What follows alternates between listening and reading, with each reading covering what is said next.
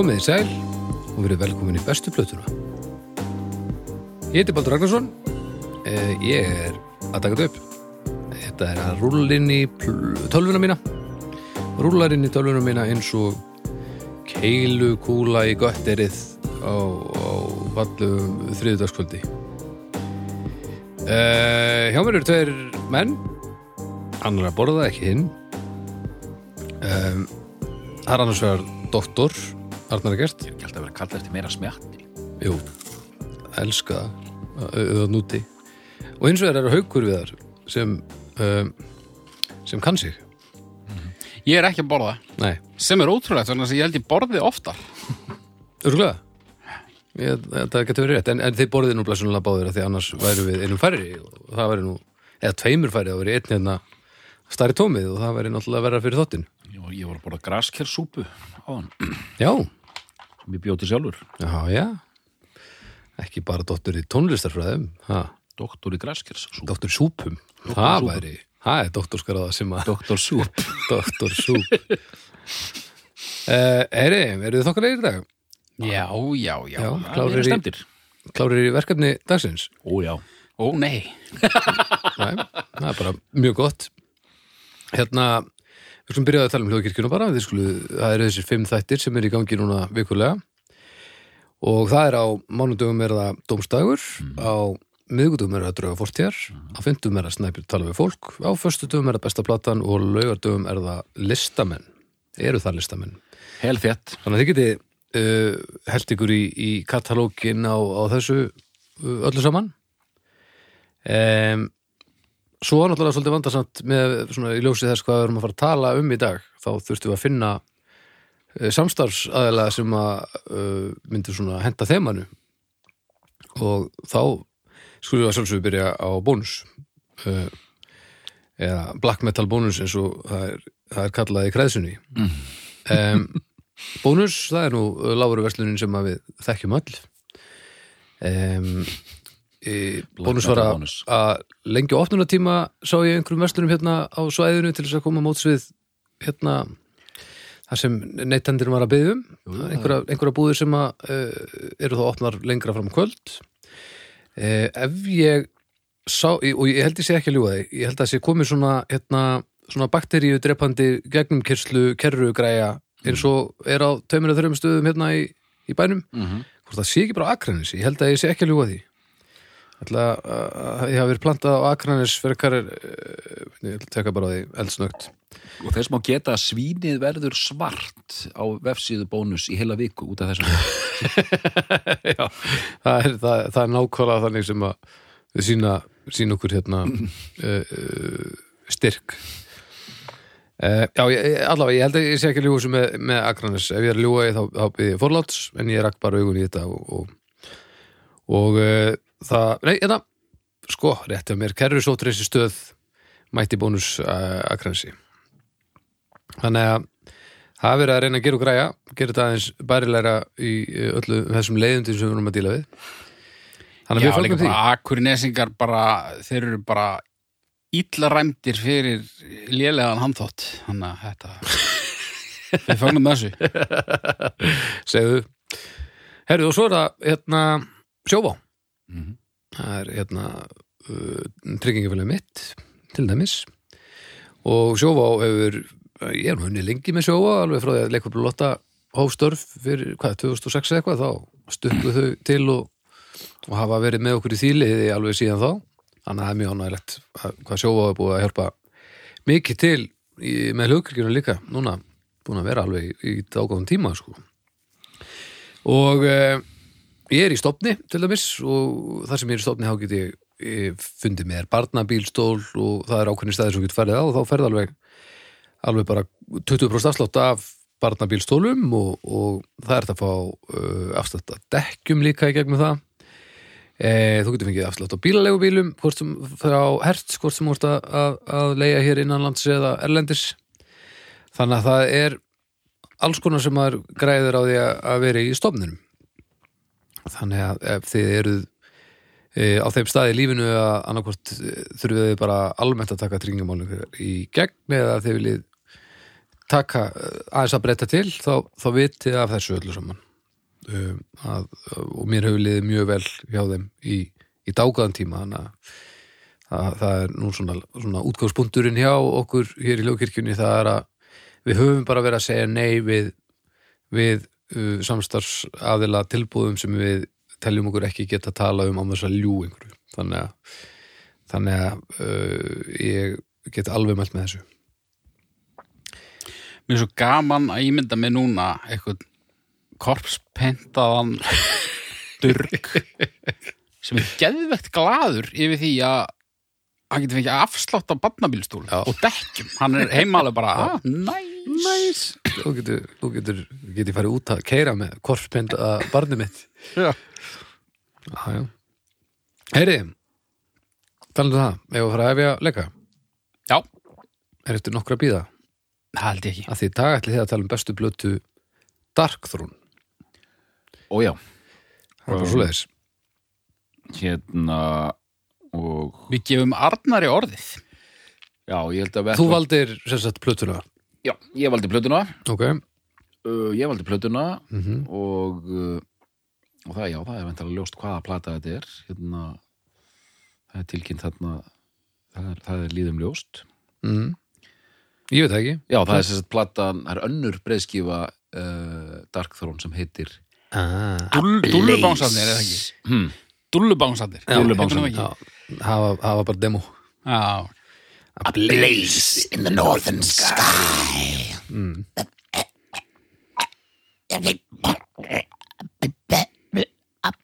a place in, the northern sky. sem sagt, ég endaði á henni komur rauninni bara tvær til greina það er annars vegar svo plata sem er eiginlega nafntóðust sem besta plata Dark Throne Mm. platan Transylvanian Hunger Mm. 94 og uh, síðan er nú þessi oft í, í mixinu líka sko, hérna uh, Blazing in the Northern Sky og hérna ég held að við ættum með að keira þetta dálítið svona þétt og strípað keira þetta dálítið í anda þessar tónlistar Fíla það, sko. Ég til.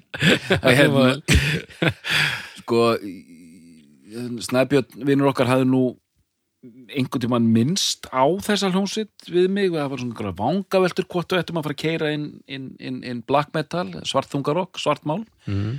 en núna er þetta komið þáttur nummer 100 og eitthvað og þetta er fyrsta svartmálmsplatan sem uh, besta platan tekur fyrir Já. og ef okkur þrítur orð sem er nú gerist aldrei Mm. þá langar mig til að Spila nokkuð lög spila nokkur lög langar mig til að taka hérna kassagítar Já. og leika nokkur lög hérna af Transylvanian Hunger fyrir Dark Throne uh, MTV Unplugged þetta þetta verður betra en uh, þetta toppar Puddle, Pu- hérna Puddle of Mud hérna. Já, en uh, já við tölum aðeins og hugsaum um, hérna, um bara þetta fyrirbæri hérna, svartungarokk hvað það er og hvern, hvernig það er og, og, og bara þetta, þetta fyrirbæri sem eru þetta, mér finnst þetta alveg ótrúlega frábært og fyndið og, og spennandi og, og meira áttur mál og ég hlusta dálítið mikið á þessu músík mm. og tek svona annað slæði svona rispur og bara, þú veist, slæði bara eitthvað inn best black metal albums 2020 Mm. og þá bara er ég hlusta okkur rúmenst hérna black metal skilur bara Mhm. Þannig ég hef einhverjum svona black metal þörf Mm. hvar, hvar standið þið? bara for, spyra forvinni eins og kennari sko. Finnst það skemmtilegt sko Mm. uh, Ég uh, að þessu elsta dóti Já. það er þröskuldur fyrir mig að þetta hljómi eins og ískápu sem búin að standa á lengi opinn randafluga sem er föst inn í flösku sko. Já, það er uh, það vandar, þá vandast málið hjá mér í heilanum mínum mm en ég gerir mér á sama tíma grein fyrir því að þetta er mjög mikilvægt að þetta var svona mm, já, já, já. en eftir sín tími líður þetta að vera sonda betur en heldur samt í black metal sondið og þegar að þetta verður í rauninni svolítið melodískara þar er ég þar er ég dottin í gýrin sko. dimmuborgir já, di- dissection svolítið, það er svolítið þar sko. um, þannig og mér finnst þetta mjög skemmtileg músík Mhm. og skemmtilegt leikhús. Já, uh, þó að við þurfum ekkert að drepa veist, þá, þá er þetta mjög sérmerandi já, mér finnst þetta bara frábær frábær útgáfa af tónlistinni sem mér finnst svo skemmtileg. Það hefði mátt sleppa þessum uh, drápum. En, en þú högur Mér finnst þetta yfirleitt mjög leiðilegt. Já, Uh, ekki alltaf samt. Ég hérna, ég kem inn í þungarokk alveg frá hinum endanum. já, Uh, og þegar að svona minn þungarokk smekkur þingist og verður meira ekstrím þá, þá, þá fer ég death metal megin við hérna, það sem þetta það sem þetta kvíslast. Já, já, ég mitt. Ég veit ekki hvort að þú veist, það er kannski ekki hérna, nú einhverjir sem að fíla bæði en þetta er samt svolítið annarkvort eða. Getur verið það, já, og hérna ég er eh, sem getur fengið já ég er ósamlega því sko. Síðan eru til stefnur eins og hérna svona brúarstefnur eins og Já. black and death metal. Já, ég ætlaði einmitt að segja sem er það. basically, uh, dissection er svolítið þar held ég Já, svona, og mér finnst svoleiðis oft skemmtilegt. Og hérna Christian frá Brasilíu, hvað Já. er það? Það er, Jú, svona, jú, jú. það er bara svona dauðarokskersla með bara svona black krytti sko. Já, Já, ég meina þið eru náttúrulega búin að taka At the Gates þátt sem er uh, svona alveg korter í einhvers konar black. Mm. þó að það sé kannski meira ah, Já, Nei, ég myndi segja það. Ha? að At the Gates sé black and death metal. Já, ok, Já, ég ég upplýði ekki þannig segja sko. Já, ég, ég hef aldrei hugsað um það þannig. En þú, doktor Nei, sko, en jú, það lók ekki neitt Nei. hérna í beinu útsendingu en ég veit ekki þá hvernig þeir þróuðust hérna the gates eða? Bara hljóð heimurinn uh, þessi monotóníski trommuleikur. Duga, duga, duga þú veist, Já, hann er bara ekki það er, eru bara ekki black metal öfgatar í honum, finnst mér. Þetta er bara, þetta er bara Enda- einfaldara death metal en það er, er ég ekki að reyna að halda því fram að Atti Gates sé black metal. Nei, nei, nei, en, En- já, ég, en ég, að mér finnst þú skulle segja þetta því að ég hef aldrei Þú ert svona, þú ert að segja haugur að Hva, hvað segir internetið? að er bara death metal, bara melodískur death metal Þetta okay. segja að hafa verið svona black metal hrafnar aðeins fljúandi yfir, yfir, yfir hljóðverðina. Já, þú veist, kíkt í stúdíóið kannski er þetta bara kannski er þetta bara Já, kannski er þetta bara Skandinavíu soundið. Já, er, já, Bara, er veist, það? þetta er ekki, þetta er ekki Florida Nei. feelingurinn. Og það var auðvitað starfandi hljómsveit hérna á Íslandi sem heitir Cranium. Og gaman að segja frá því að það, þeirra plata Abduction sem kom út á kassetu er að fara að koma út hérna endur hljómjöfnuð. Mm. Sem var nú full þörf á og hérna það eru þeirra Átni Sveins og hérna Egil Sneik og Si- Siggi Guðjóns og hérna fleiri. Um, eh, það band sem var döðlósband Mm. var einmitt með bara hvernig hann offi bassalegari, hvernig hann söng og, hérna, og Bjarni Grínsóra trómum, þá er ég búin að nefna alltaf að hefna bara hvernig offi söng og bara hvernig þetta hljómaði og hvernig lögin voru þetta var, það var svona korter í black Já. þetta var svo evil það var svona það sem gerði þetta aldrei black sko. Mm. svo ég hendi einhverju inn í, inn í svo ég hendi líflínu Já, ég meina, þú veist, söngur líka, ég meina, þú veist, jú, kannski Death, hljómsveitin Death var svolítið þarna, en, en kannski þess fyrir utan að var Death metallið rosalega mikið svona, söng, söng, söng hérna. á menna Atti Gates fór hérna. Leiðina að þessu, sem er svolítið svona meira út í, þú veist, svona brálaði þetta dæmi, en þú veist, hann er alltaf langur vegur frá, þú veist, mayhem og yfir í, í þetta, skilur en ég veit það ekki, já, Melo, Death, Black Gautaborgar, eitthvað. Já, já. Mm. En það er líka gott eins og ég nefni að Christian sko, þetta, þetta talað um þessi stefnu sko, black and death metal. Já, bygað döðarokk Já, já, þar sem menn er einhvern veginn með, með fætunar í, í báðum heimum sko. og síðan höfðu þetta fengið að sjá undanfærin, hvað ég að segja svona ég, 20 ár, sko, þetta er alltaf kvíslast meira og meira sko. já. heyriði trommarinn í Atti Gates, það er nú bara trommarinn í Krell og Filth. Ég er búin að vinna, strákar. Takk, takk. Já ég, ég veit það samt en, en hann, nei, ég er búin að vinna. Ertu ég búin- hef líst yfir segri ég skil. Ok Þú veist að til dæmis um, Arnar Guðjóns var í svo róri sætt. En Kreitl og Filth er ekki black metal. Nei, Varst var að taka það í Þetta er lí- Nei, þetta bara Arnar Guðjóns var í svo róri sættum tíma og, og, og svo getur þú tekka á hver, bara lífs Já, hann hefur bara verið í death metal böndum. Lífs, ég er kannski ekki pjúra death metal En Allavega, já, sko, við, við, við setjum ekkit út af borðinu Nei. og hérna já, látum þetta bara hanga í byli við erum ekki að fara að leysa þetta mál við erum komin hérna aðeins út fyrir hérna. Mm. eigum við ekki að hérna fara að vinda okkur í það? Gerum það. Endilega. Um, sko, Dark Throne og við höldum áfram að hérna, dansa á milli þessara tvekja heima. Og ég ætla ekki að fara eh, ég ætla bara, einmitt, demba mér í þetta. Fyrsta plata Dark Throne kemur út 1990 hún heitir Soulside Journey. Og það er döðaróksplata Já, og eiginlega svona pínu progguð döðaróksplata svona pínu psychedelic hérna uh, hérna sprettir á þessari plötu. Og hún er mjög vel metin. Og hérna margir svona gráta það hálfpartin að þeir hefðu vilja heyra hvernig hljómsveitinni þróast sem döðaróksljónst já, mm. síðan er sagt, skipt bara um gýr á næstu plötu sem kemur út 91 og heitir hérna Blazing in the Northern Sky. Og mjög fljótlega verður þetta tveggja manna band. Og þetta, þessi hljónst hefur aldrei spilað live nema að hann rétt í byrjun tóku þeir einhverja tónleika sko. ok.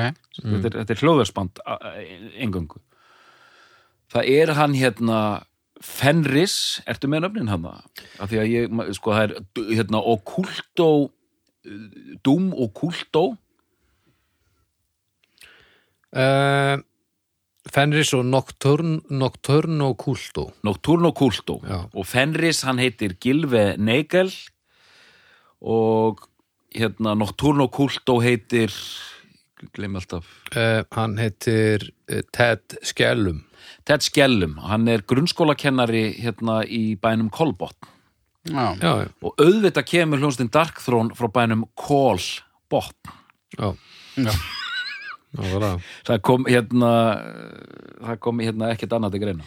Ég elska þetta við black metal. Þeir heita bara eitthvað Necro Butcher uh, En heitir samt bara eitthvað Jeppi, Jeppi Þetta. Ted Skellum, það er ekki nema að vona maður munið þetta ekki. Og hann er bara í dag ennþá, hann er, bara, hann er grunnskólakennari.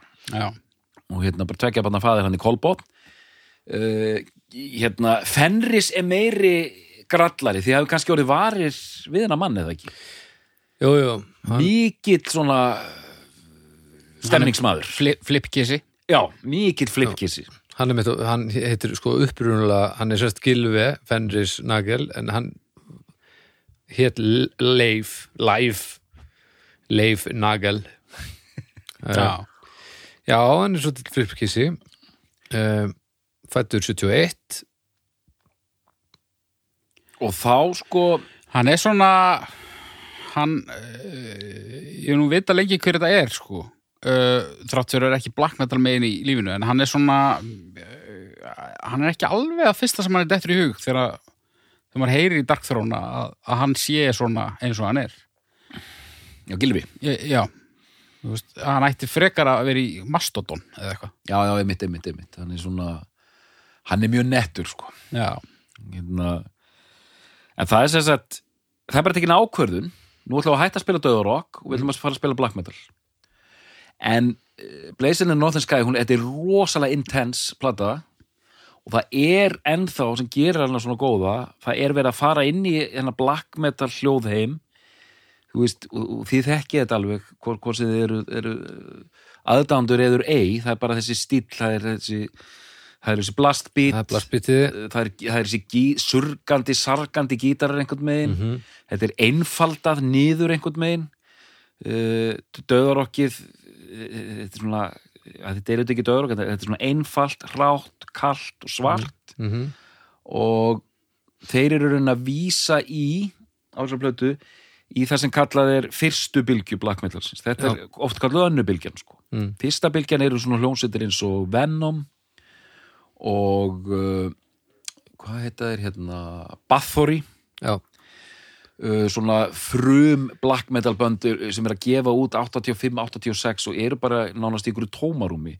Já, af því að músíkin í rauninni hefði ekki átt að koma út he, hún hafði ekki, eins, og, eins, og, eins og í síðasta þætti þú veist að tala um Kiss sko. Að þú veist þú nefndir eitt lag, þú helst að það komið út 89 eða eitthvað og það kom út 85 sko. Mm, og hérna, já, nei, fyrir 82 og hérna, eða þrjú. Allavega að svona uh, Bathory, þessar Bathory plötur, fyrstu plötur hljóma hræðilega mm, og það er hljóma, hann var bara lélegur tónlistamæður og, og tók upp við mjög rýran kost, sko. Mm, þannig að einhvers konar hérna nöyð hérna býr til þetta rosalega sound, sko. Já, já, þetta er bara svona, þetta, þetta er svona rosalega innilokaða hráa, fáránlega sound, sko. Já, þeir ákvaðu, við skulum bygg, byggja þess á þessu, hugsa Dark Throne, en platan er alveg bara bombastic, sko, svona, bara hoppar á því eins og skrimsli, sko. mm, Og hérna, er það samt ekki, mér finnst það virka samt, uh, og nú ætla ég ekki að breyta þessi í þáttin þar sem haukur er brjálaður út í black metal, sko. ok. En þú veist, eh, ég var að renna yfir þetta allt saman eiginlega í fyrsta skipti. já, Þú veist, ég, ég hef eitthvað tímann heyrt eitthvað í Dark Throne og mann ekkert eftir í. Já. Ég teki nokkrar allugur að því að, fatta black metal. já, uh, þessi döðaroksplata hún sándar bara eins og döðaroksplata frá þessum tíma. Svo kemur þessi plata og þá erum við komin í black metal og hún, við erum að tala um bara já, og sándar hún verð mm svo næsta plata þá er eftir hún sándar verð og svo Transylvanian Hunger hljómar hræðilega. Já, og þá getum við eiginlega ekki sko, við getum ekki skrifað þetta þá á vankunnáttu vegna þess að þeir voru búin að sína það. Þú veist, já, já, þetta er pródúseruð vangeta. Já, já, já, já, algjörlega, þetta er, og þetta er algjörlega partur af fagufræðinni, sko. það var stemmari fyrir því að, að allt væri steik, sko. Og, og þess vegna í dag er ennþá að gerast, eh, þú veist, koma þessir köld krakkar, K-V-L-T, að bara ef þetta hljómar ekki hræðilega eins og þú lýsir, þá er þetta ekki gott, sko. er einhver af þessum hljómsveitum í þessari annari bylgju sem að sánda hræðilega út af því að þeir voru í raun og veru gátt ekki neitt og höfðu ekki aðgangan einu þú veist eins og þessar Nei, mei, sko. meihemdótið og það, þú veist, það sándar svipað Ég, ég hugsa oft um þrjár, Bursum, þú veist, er það já, bursum er svona, bursum er svona, það hljómar mjög illa innan feitar gæsalappa. Já, svona í, í, í stóra samhenginu Stóra samhenginu.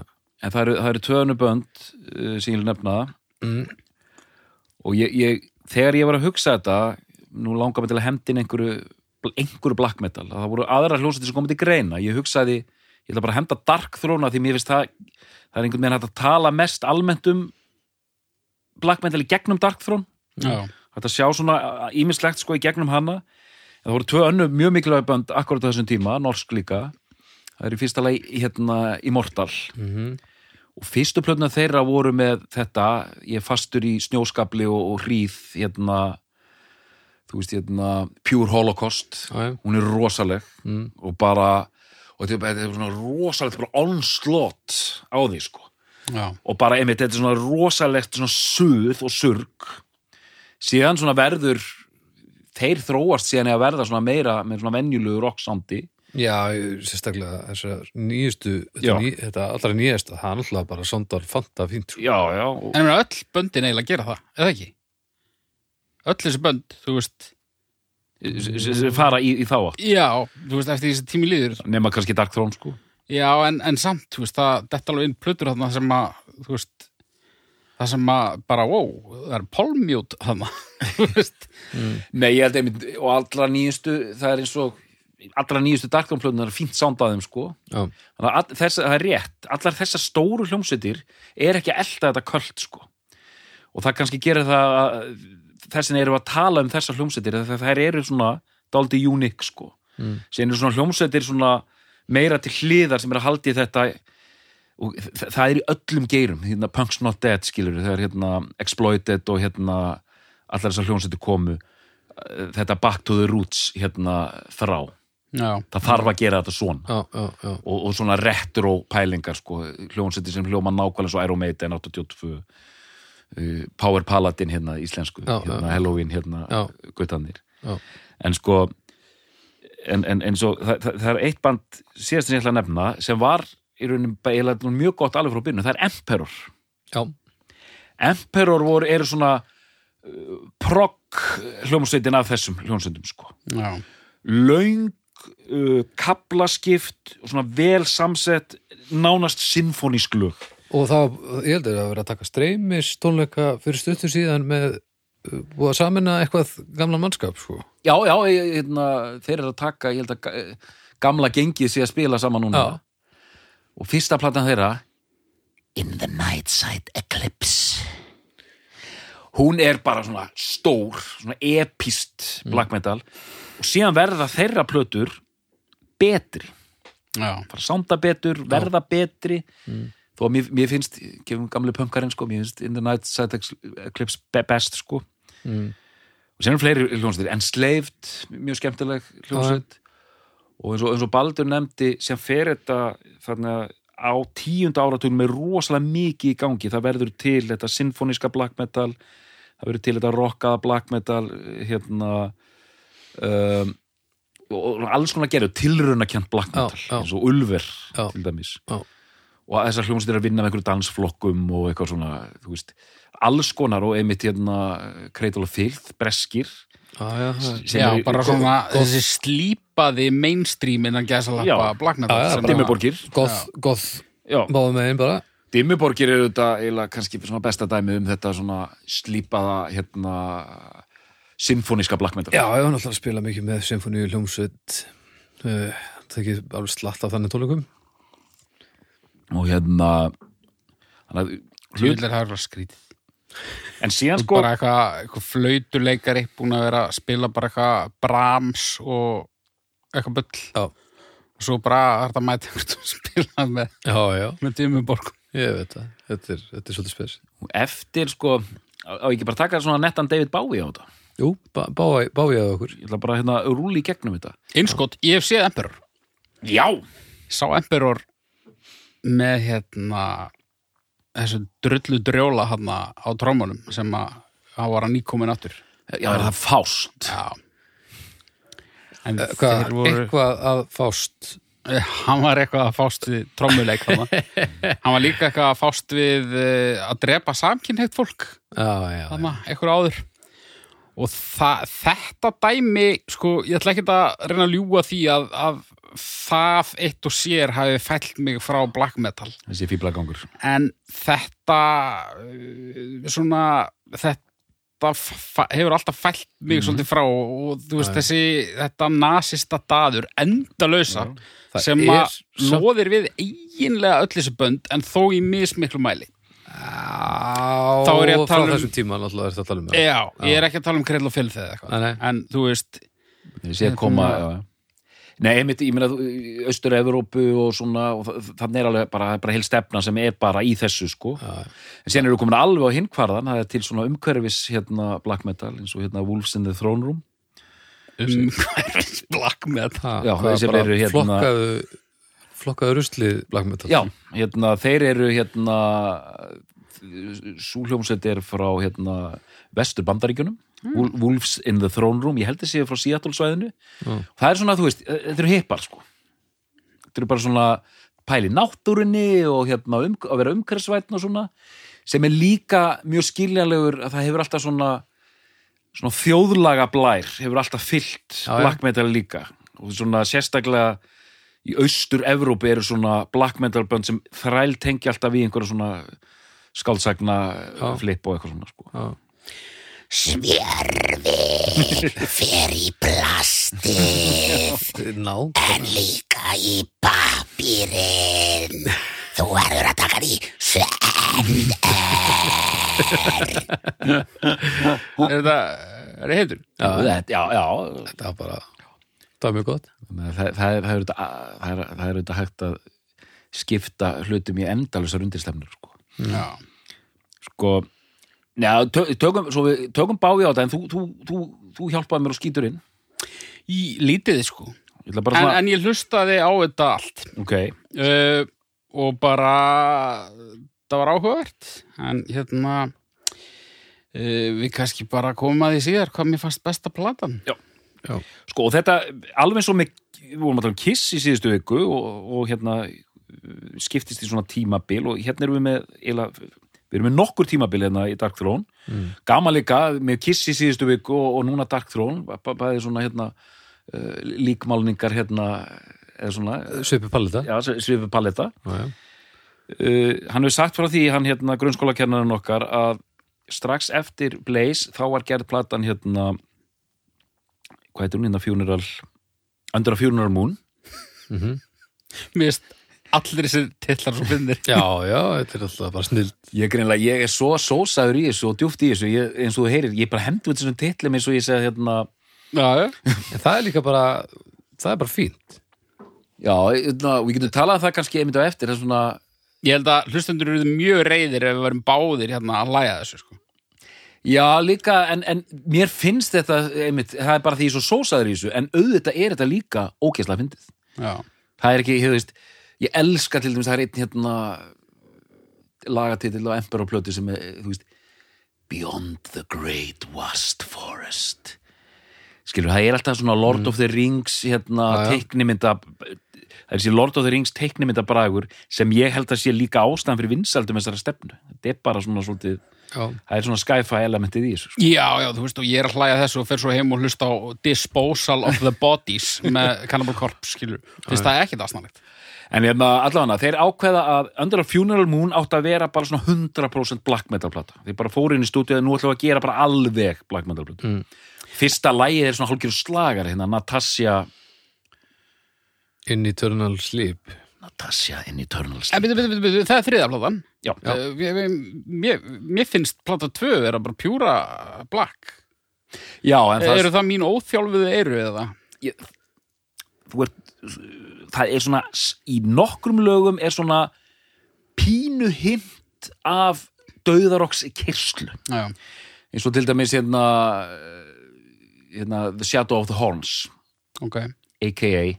besta lag í heimi Það eru það það lag er svo fáránlegt veist, ég vissi ekki að vera hægt að gera lag sem byggist upp og síðan heldur að klæmaksin sé komin Mm. og þá halda þær áfram koma með auka klæmaks handa þér, þetta er bara eins og að hérna, þetta er svo að fá sáðlátt tvisar sko. þetta er bara stórkostlegt sko. hérna, og maður er bara eh, sjö mínútur af snilt og maður er bara svona ég var að lappa um daginn. Ekki, ekki hjólaði að laupa, ég var að lappa og bara Já, Og fekk sáðlott ég bara fekk sáðlátt í buksunar að ég að hlusta á the Horns. Tvisar þannig að það er svona og þeir eru líka að vísa í eh, hljómsveit sem heitir hérna, Celtic Frost Já, það er undir miklum áhrifum eh, hérna frá þeim. Mm. allan, það er svona, hvað ég að segja hérna, þú ert að búið til mat þetta er, þetta er allt black metal nema að koma hérna kemur dass af, af, af, af, döða Já, en um, döðin er alveg horfin á hérna á, á Funeral Moon. Mm. síðan kemur, eftir Funeral Moon kemur út alveg fáránlega plata hérna sem heitir Panzerfaust. Nei, nei, fyrir ekki er hérna Transylvanian Hunger. Já. Sú plata er alveg svona mythical í, í black metal heim já, margir sem segja þetta sé bara besta black metal plata allra tíma þetta sé alveg pjúr Mm. kommentin við þetta á YouTube eru öll bara svona hvað, þetta, hún- hvað hún sé hrein af svona ílsku og kulda og, og, og, fyrringu og öllu því sko. Mm. og þú veist, ég, ég, lísti einhvern veginn þetta er svona þetta er eins og pornografi með kjúr hérna, þetta, og það er smá heyrður það, Haukur að það er smá svona kjúr goth feelingur í þessari plötu ég heyrði tölverðan goth feeling en ég hugsaði ekki um kjúr ekki kjúr, nei kjúr, hérna, kjúr í hérna En ég hugsaði ekki um goth feeling í þessu early 80s nýbylgju samhengi, nei, ég get ekki sagt það. En hérna, en hvernig var þessi plata? óþjálfuð eyru og allt það. Sko, mér finnst þessar, þú veist, plata 2, 3 og 4, hérna, nýtum þær bara saman í knippi svona fyrir mig. Mhm. já, já, já, já, já. Mér fannst þær bara frekar leiðilegar, sko. já ok, ok, Ég, hérna, við erum þar já, við erum eiginlega bara þar, sko. leiðinlega lög Já, Mér, þú veist, Þetta, þetta er að vera eins og reitsakjast með sínþátturinn sko. nei þú, nei, þú veist, þetta er bara þetta er bara eins og fólk sem skilur ekki óperu, mm sem eru margir mm. ég er bara pínlítið þar sko ég gert nokkra tilraunir. Kannski er ég að gera mistök sko, fyrir þennan þátt hlustaði allt en þegar ég verið að tekka á alls konar black metal hljómsveitum kannski er ég að gera þessi mistök að vera að tekka á svona milestone verkum svona þetta er besta Já. platan.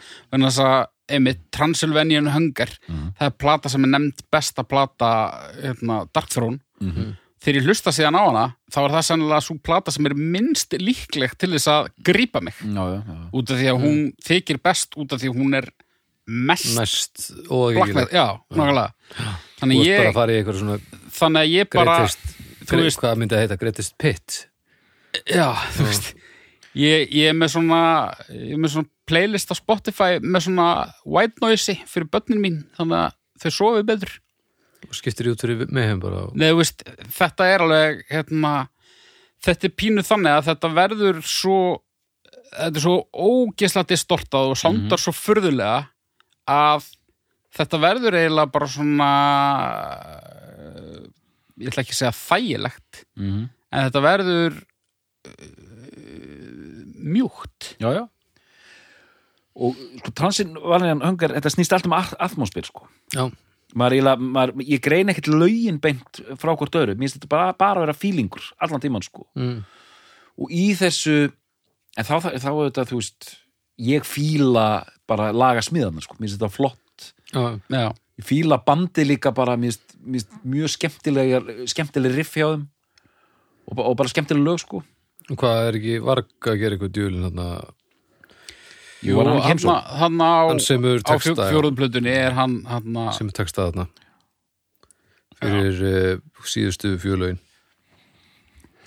það er nú maður fjögur sem ég hef afar takmarkaðan húmor. Já, hann Ha. er óttalegur óttalegur svona vandræði gemsi en manni sýnist það nú að svona eh, það litla sem að ég sá sem að var svona vafasamt sem hafi komið frá Dark Throne. Mm. svona við tökum bara þetta hérna sem vorum að ræða áðan. Já, það, það er hægt að klína miklu af því á þetta samstarf þeirra við hérna varg á þessari plötu. Mm.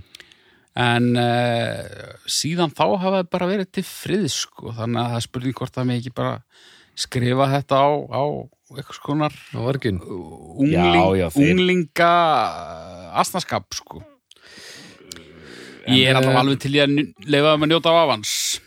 Mm, já, er hafa nú beðist afsökunar á þessu.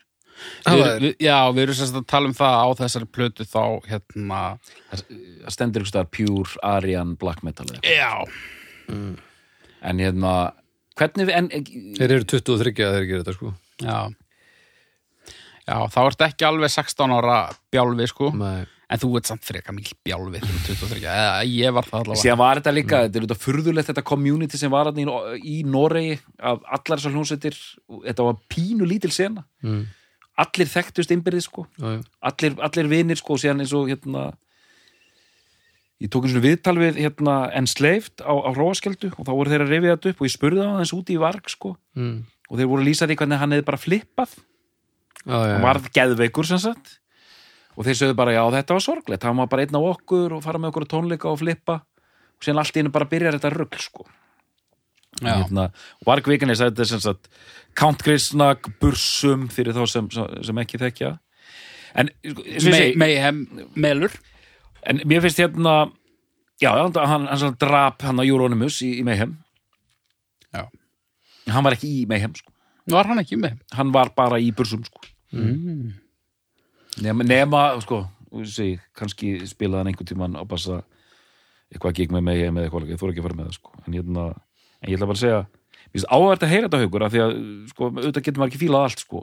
og hérna en þú veist, lögin ekki skemmtileg og þá líka en hvað finnst þér eins og með plötu umslægið og, og, og, Sko- stemninguna ég, mér finnst það alveg gaman sko og hérna, mér finnst þetta ekkit allt finnst ekki allt ömulegt sko. ég, og ég bara ég var til í þetta já, já, spenntur og varð fyrir pínu vombriðu með það að ég skildi ekki hafa gripið meira þessu mm.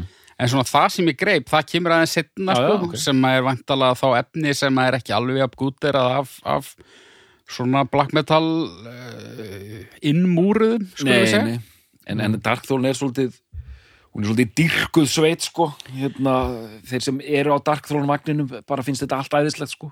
Já, og eru með, til í að fara með þeim í þetta flip sko. Já, og, veist, og mér finnst, þú veist, ég er nú kannski aðeins að færa í stílinn en hérna, maður verður með smá teater hérna. En sko, mér finnst þetta samt skemmtilegra heldur en slípaði Dimmuborgar Já. sem leiður kom eitthvað djús kirkjuorgel inn í þetta og eitthvað kóra há, þá er þetta orðið aðeins og vasnað sko. mm. en þú veist eh, það var samt pínu gaman að þú veist djöfull segi ég, þú veist oft þetta er hljómsveit sem að prófar all, allan fjandan Já, já, já, já og hérna þeir eru ekki stæðnaðir það, það er alveg plötur sem standa hlið við hlið sem að eru áþekkar Mm. en það er samt svona uh, í gegnum allan ferilin er það er farið í alls konar sko. Og þetta er ekkit eðlu ferill sko. með, hvað er þetta, 20 blöður eða eitthvað? Nei, það eru eh, sko, fyrsta plata kemur 91 og það eru 18 já, það eru tværi nái kiss sko. já, ef við ætlum að kalla þetta stúdíoplötur sem er nú kannski svona röstnalegt í sumum tilfjöldum já. Já, Soulside kom 91 og Blaze kemur út 92 já, og svo bara 93, 94, 95, 96, 96 99, 2001, 2003, 2004 2006, 2007, 2008 10, 13, 16, 19, 21 þetta, veist, þetta er bara stanslaust bara. Ég Já. var með þessi ártöl vittlaus hann í upphafi og ég beðist velveringar á því, kæru hlustundur. mm, Allavegna, uh, Transylvania Hunger eftir þá plötu kemur út uh, og þarna náður einhverjum hápunti, segja margir. Eftir þá plötu kemur út fáránlega plata sem heitir Panzerfaust. Já, og það er einmitt þegar ég gefa hann út þá byggðist þér afsökunar á því að hafa sagt uh, uh, Arian Metal og, og það var alveg eitthvað að vera að drulli við geðinga þarna líka. En þeir sögðu að, að Dewis væri slangur hjá norskurum krökkum yfir uh, heimskur eða eitthvað. Það er við svolítið gott múf sko, þegar þú ætlar að beðast afsökunar á einhverju sem að stimplaði því sem nasista. Já, að gefa sér út plötu sem heitir Panzerfaust. já. Það er múf sterkuleikur. En svo virðast þeir hafa skammast inn í alvörinni eh, kanns síðar í það mista Já, og ég, ég elska, og það er eitthvað svona lítill krakki í manni, ég elska allt, alla þessa titla eins og Good Lord Panzerfaust allt, allt þetta sem er svona einmitt kjánalegt en maður bara svona já, Góð Lord. Good Lord. Ef maður myndi hitta hann þá Já ég meina þú veist, það er, það er, það er gomma af einhverjum þungar á sljómsveitum sem hafa gefið út plötur og lög sem eru mjög vafasöm ef maður svona virkilega pælir í því. En það er oftast hægt að einhvern veginn útskýra þetta með einhvers konar bara það verður, þetta er bara svona einhver metal útgáfa af þessum fótbolta búningsklefa kultúr. Já, þetta er svona sjokk hérna já, dæmið sko en það er eins og hérna í tölvört mörgum tilfellum í, í Nóri hérna á mm. tíunda áratögnum þá var meira á bakvið þetta já, Já, það, já. og það er leiðilegt sko. já, Velilegt. ég, er það alveg, ég er alveg til í að fyrirgefa ykkurum 19 ára bjálfum fyrir uh, finnast þeir úksla finnir og edgi að gefa út eitthvað svona Já, eitthvað nasista daður ef, já, ef það er hættaði síðan já, en, en þetta var ekki alveg Nei. þetta var ekki alveg töf sko já, akkurat. En hérna, já, Panzerfaust er, sko, því þið eru nú, hérna, heyrður þegar þú hlustaðir hvernig söngurinn er miksaður hérna?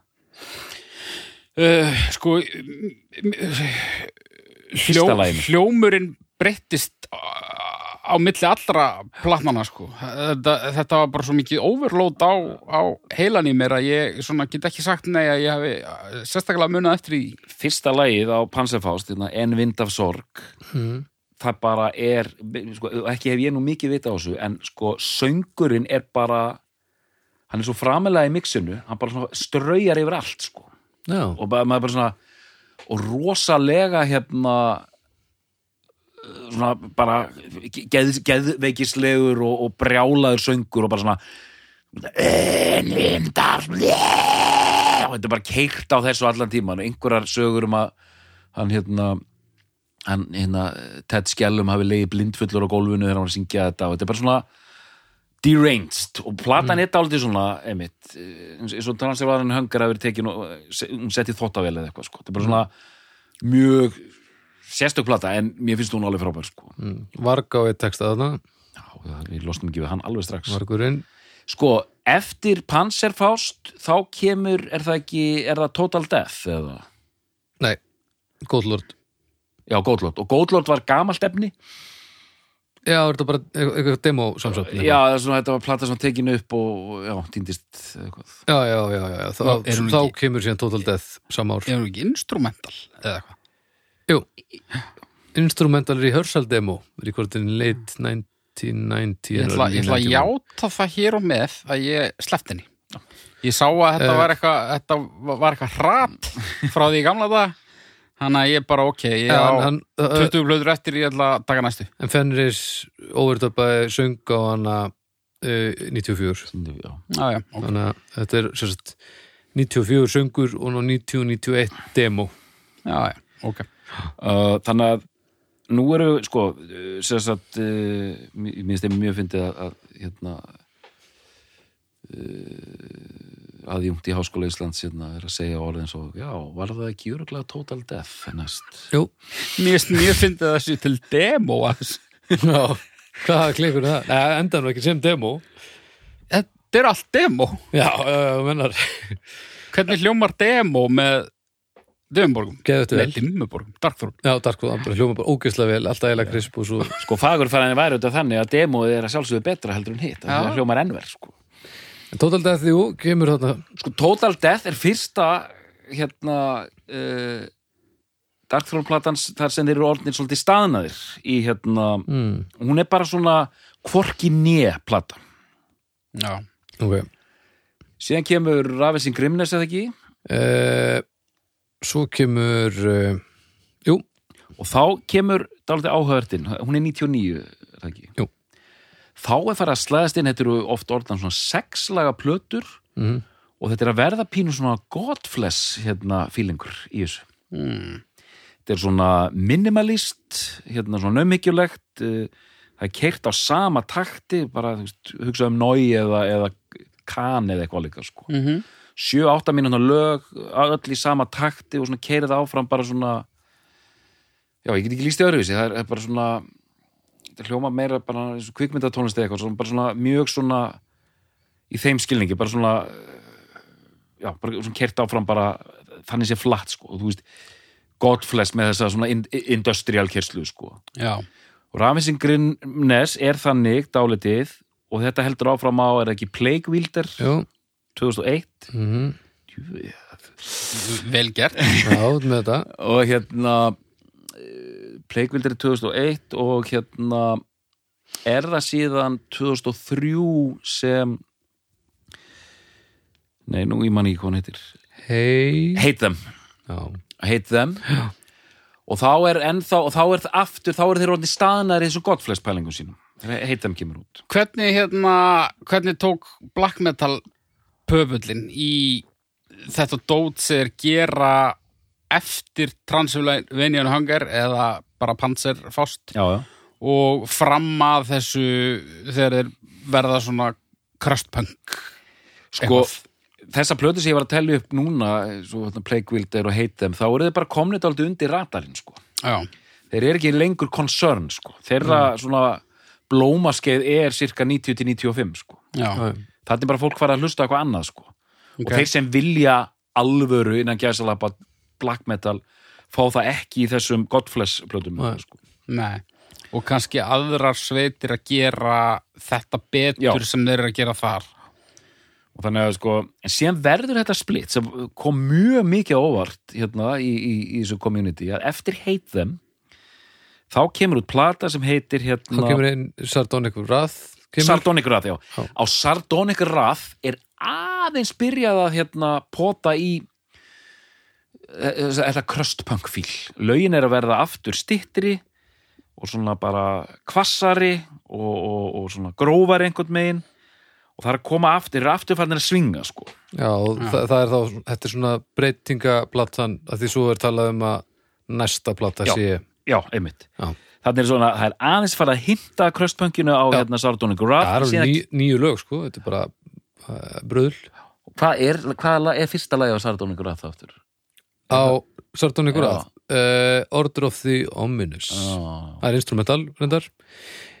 Uh, Information wants to be syndicated. Og það er ekki þessi grínlög. Er, er, er Canadian Metal og þetta?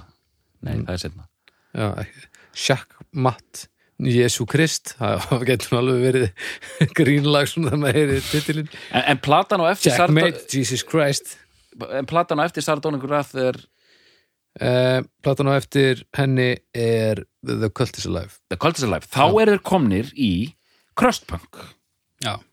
og það var bara fólk var bara forviða sko. Og hérna eins og sé það er, Black kemur- and Crust sem er frábært segja, bara, bara að segja þetta. Og, og ef þú kemur úr ákveðna átt eins og þú haugur sem svona sérð betur en ég við getum sagt það svona kymnigáinu við þetta allt að nú er þetta farið í, í hágýr í því sko nú er þetta finnst, fannst mörgum þetta voru en algjörbrandari sko Já. Þarna byrjaði ég að sperra eir.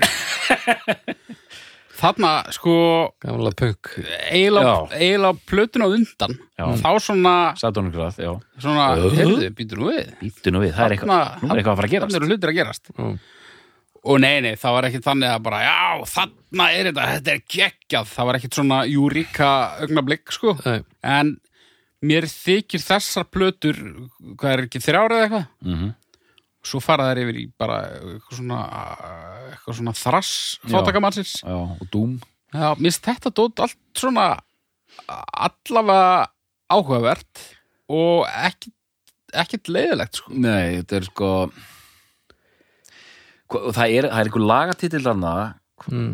sem heitir eitthvað mít, nei, eitthvað Canadian Metal eða, eða eitthvað svona á hvaða plötu? uh, Uh, Cult of The Goliath Cult is Alive, hva, hvað heita lögin á The Cult is Alive? uh, þar eru með The Cult of Goliath Too Old, Too Cold Too Old, Too Cold, já Já, þetta Canadian Metal, er það ekki á plötunni á eftir? Jú, líklega. Hvað heitir hún? hún heitir uh, F-O-A-D Já, sem er bara pjú Fuck Off and Die. Já, ég held það að, fyrir? ég held að sé ekki á henni, það er þá eru plötunni á eftir henni. Circle uh, the Wagons Canadian Metal er lagnum með tvö á þeirri plötu. Já, Já, ok. einmitt. Og þá er, sko, tökum bara þetta dæmi. Þú veist, Canadian Metal Þetta er líka, þeir eru að gera crustpunk en þeir eru líka bara að gera, það er eins og þessi að gera bara það sem þeim dettur í hug. Já, það kemur bara eitthvað svona Canadian Metal og hvað þú veist, þú ert búin að syngja svona allan tíman og allt í nöttu komin í bara en er það ekki Fenris? jú, það er Fenris sem syngur svona. Hann byrjar að, hann er ekkert að syngja á þessum fyrstu plötum með það. nei, það er hérna uh, hann gerði bara allt hitt. að gera, já.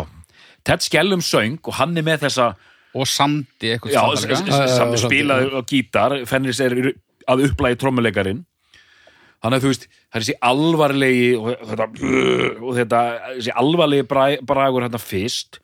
En þarna þú veist, mann sér það fyrir sér. Ok, hvað er að gera næst? Hei hvað með þessa gömlu Amebix og Napalm Death plötur, ekki bara gera eitthvað stuð. Já. og það er mjög greinlegt að Fenris er að keira þetta dæmi að því hann syngur oftast. Og í svona eh, hann sé að gera grín af þessu og sjálfum sér um leið eitthvað svona la la la la la Bara sigur hún Kjartansson mættur. Já, og, og Dark Throne aðdándir voru bara what the fuck? Umslæði líka í mjög flottum svona crosspunk hérna uh, stíl.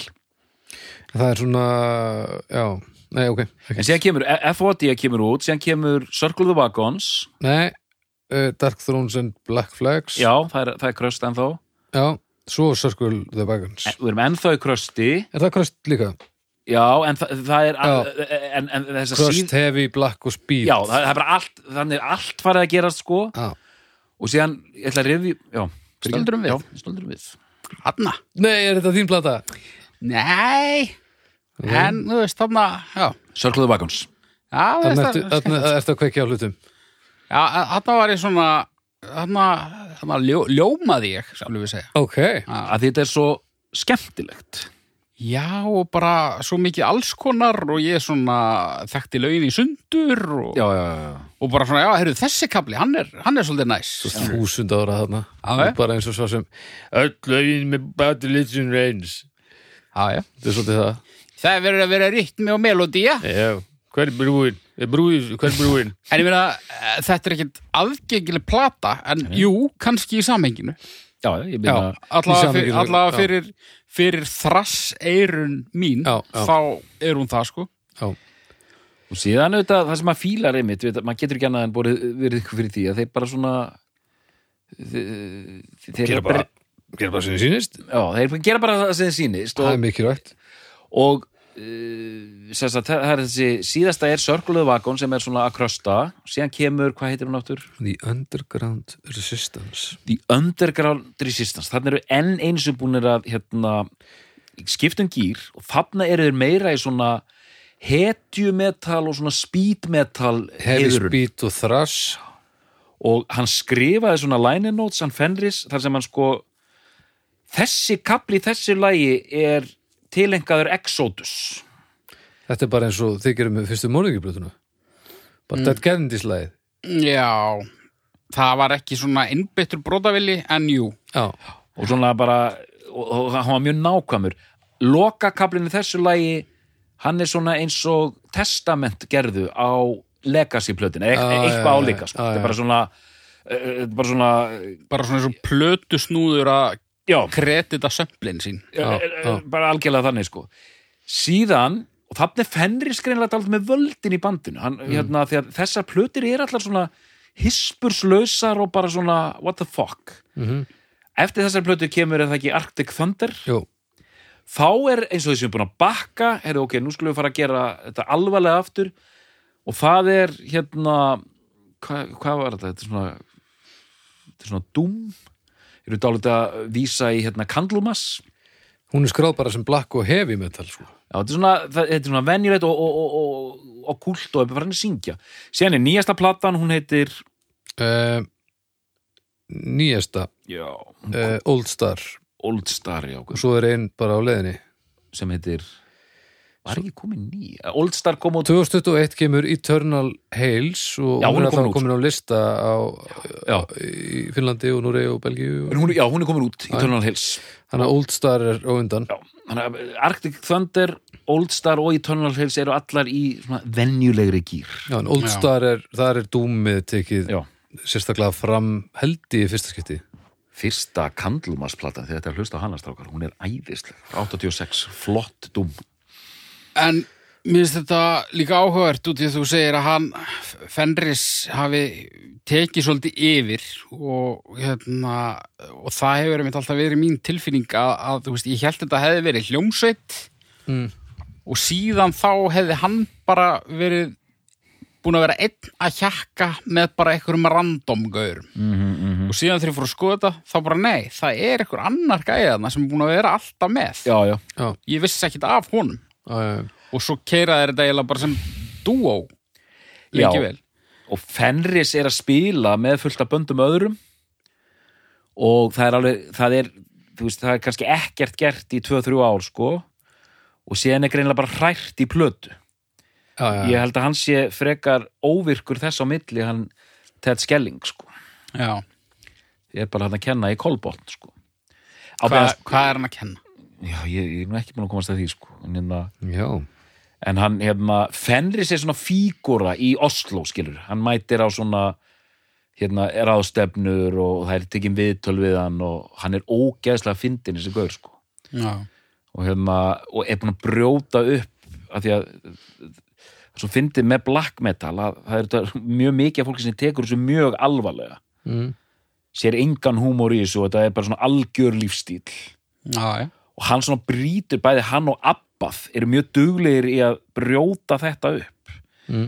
að láta eins og fíbl og vera bara geta hlegið að þessu líka sem eru þetta algjör líkill að lífinu að að geta, geta nú séð þetta fyndna í þessu Já, það er einar, eina viti sko. það er eina viti, það er bara það er eina sem skiptir máli sko.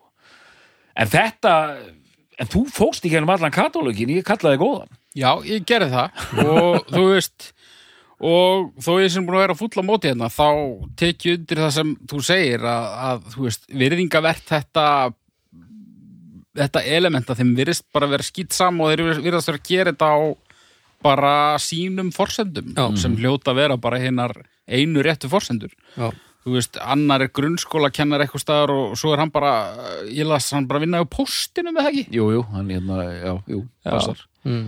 og þú veist, væntanlega ef að það var einhvern tímann verið draumar um, um frægð sem að ég er nú eiginlega bara efast um þá eru þeir allavega löngu döðir sko, og, og þannig menn gera bara það sem þeim sýnist sko. Já, og minna, þeir eru grjót harðir, þeir hafa alveg fengið tilbóð marg oft um að spila tónleikum, sko. Og það er bara, af hverju vilja þær það ekki? Ég bara veit það ekki. Ég held að það sé bara, ég vilja ekki, nennaði ekki, eða líta á þetta sem svona mikið stúdíóprojekt að þeir vilja ekki flessa þetta út.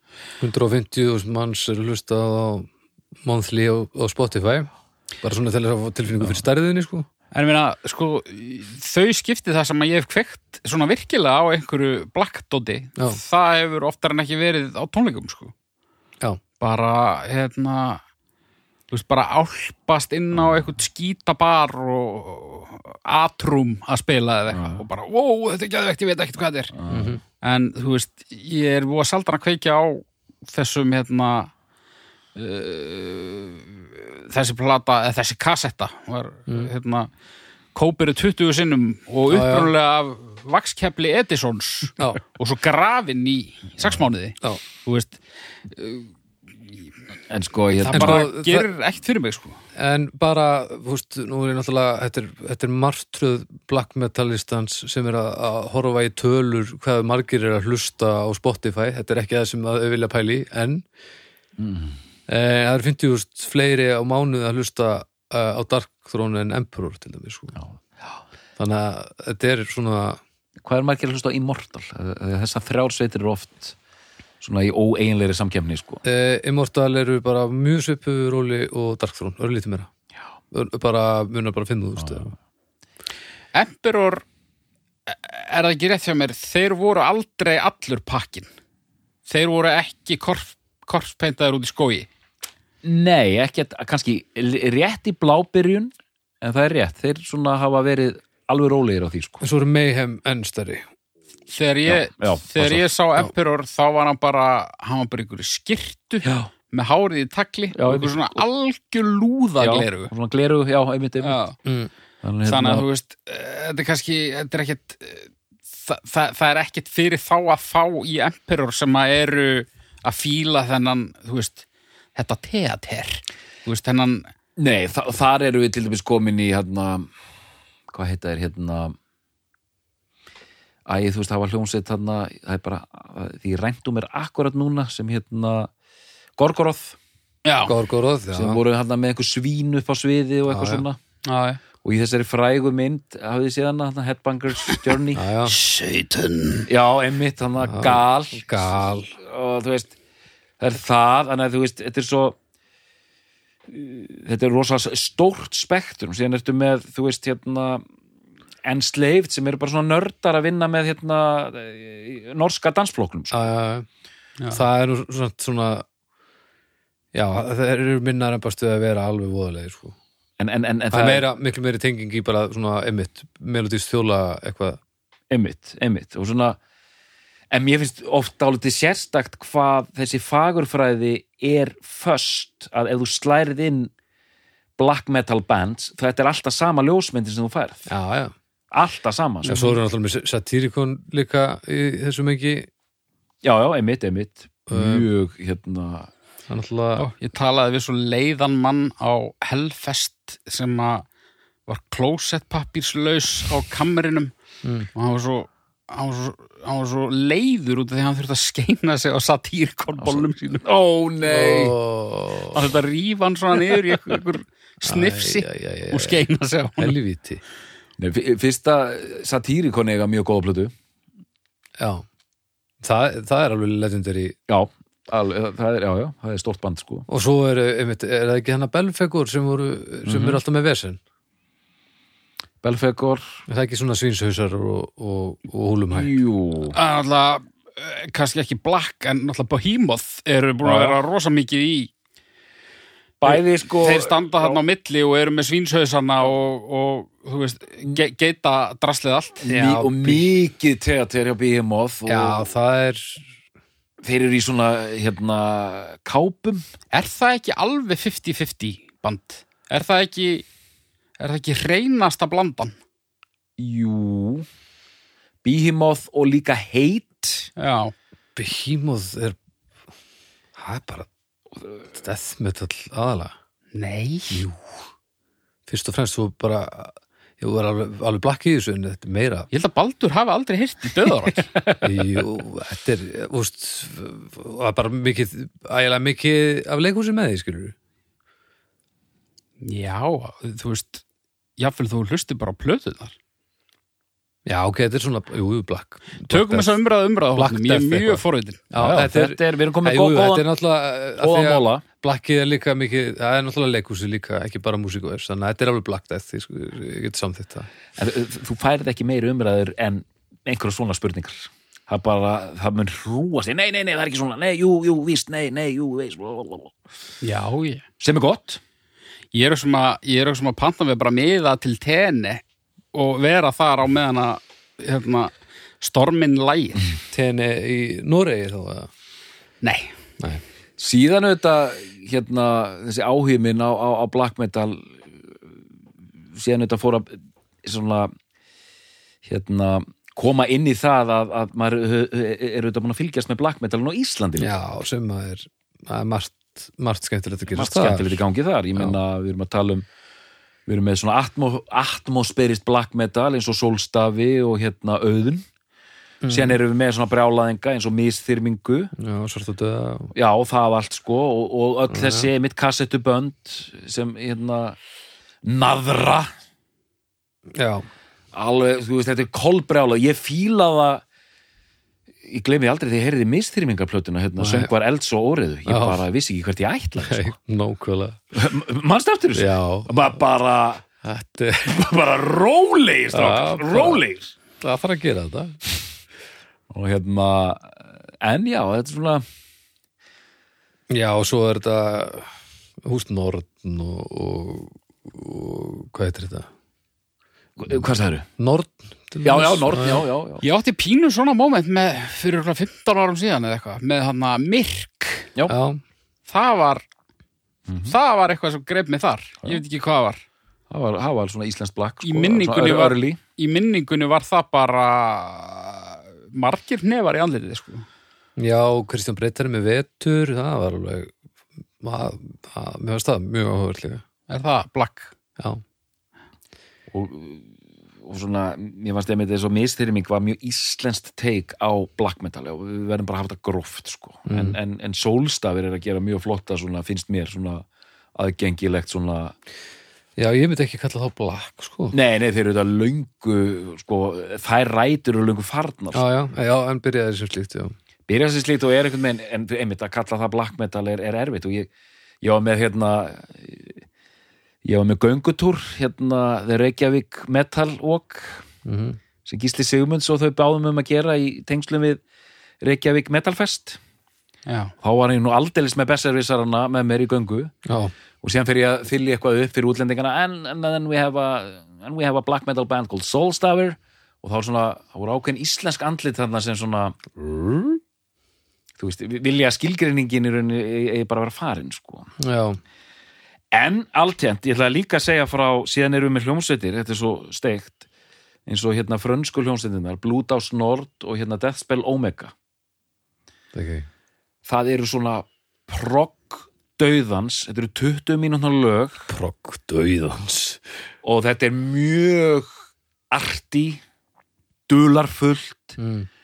hlaðið af einhverjum táknum og það veit enginn hver er í hljómsveitinni og, og, þetta er allt svona, og þetta er þetta gjörsamlega dýrkað sko, þessar Já, já. hljómsveitir sko. Já, Af því að þú veist, þú ert að spila inn í þar sem, þar sem fólk Já, já. þannig að þú ert með endalösa ánga og, og, og, og, og, og, og, og þessa brýra á milli hérna, black og, death og allt þetta sko. Og svo náttúrulega yfir í eina bandaríska hipster black metal sem er nú góður uh, eitthvað sem ég átti aldrei vona að erði eitthvað sem væri til Pits, Pitchfork Metal Já, einmitt, svona hip- flesta hljómslunar eru frá Portland.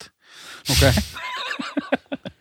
Og Svo svo eru black metal áhrifin sem að einmitt leika henni eins og hérna í Núri black, black and roll eh, já, talað um sko.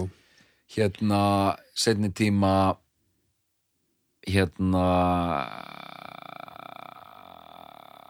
Entombed Já, til dæmis voru þeir ekki með, nei þeir voru með Rotten Roll Já, já, já.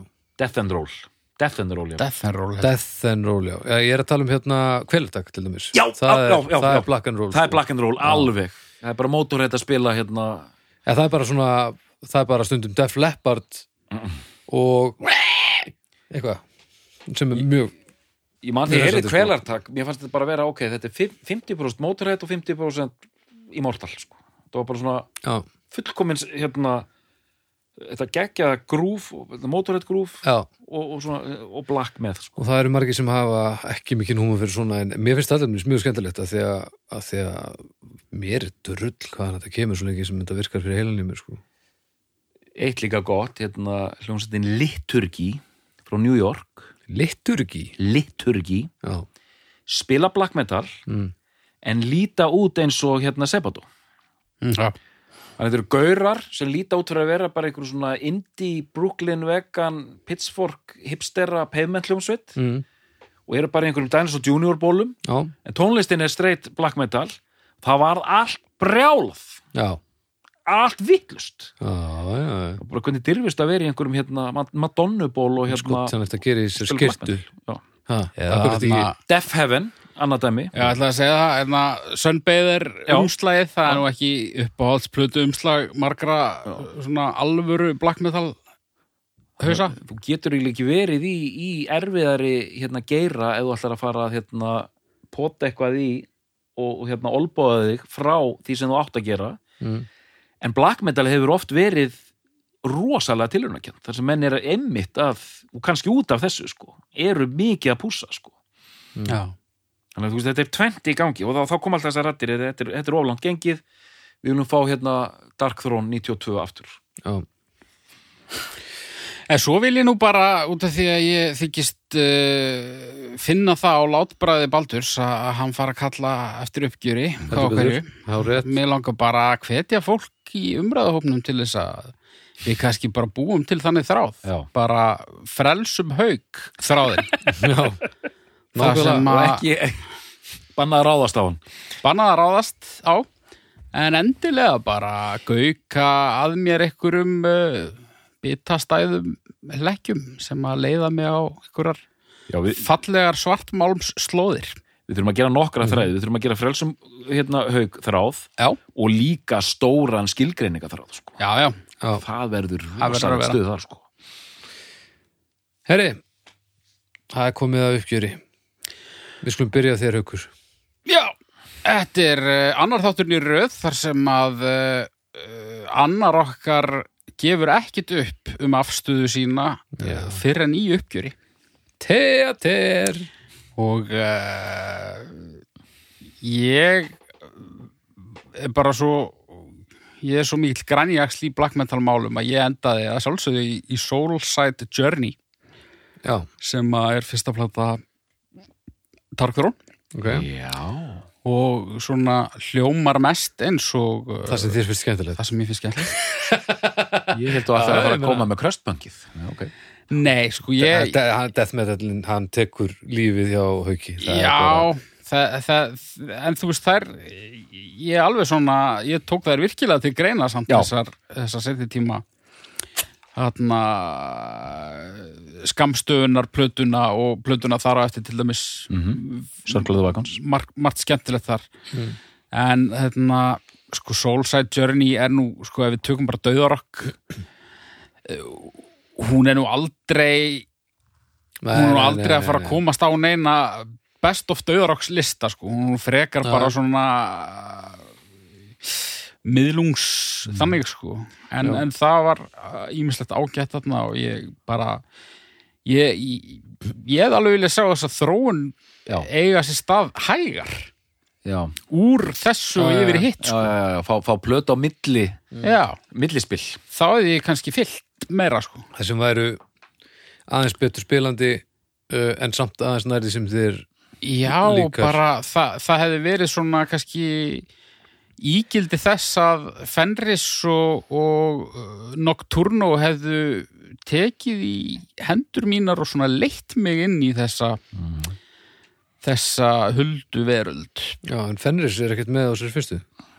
Já, er það ekki? Það sýnir mér ekki. Ú.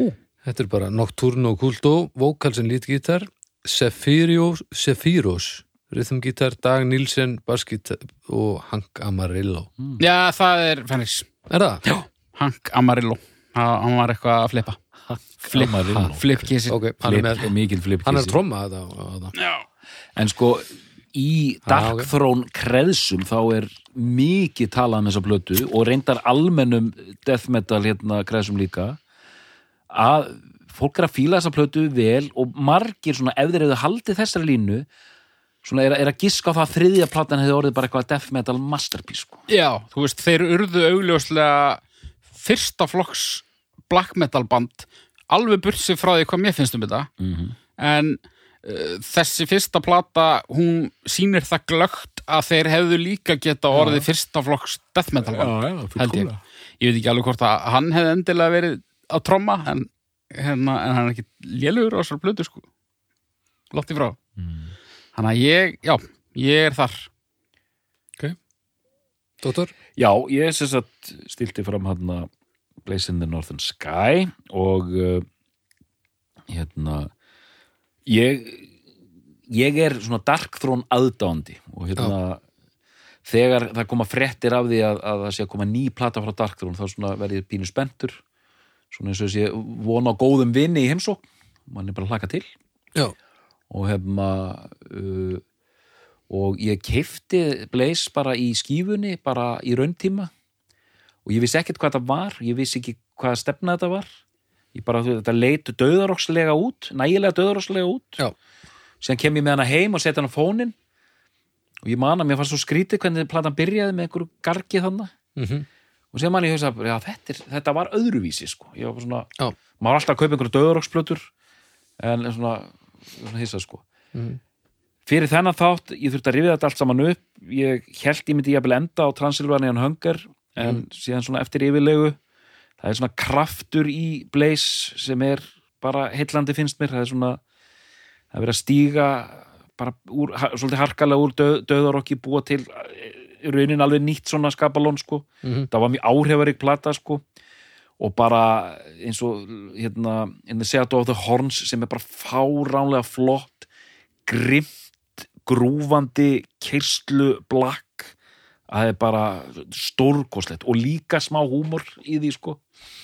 Þannig hérna, við bara dása bara best, besta lag Darkthrone þannig að ég tefli þessari blötu fram eins og, eins og, eins og kemur fram í þættinum sko og er bara sáttur þá okkur Já. Þannig að Dóttor, er þetta besta plata Dark Throne?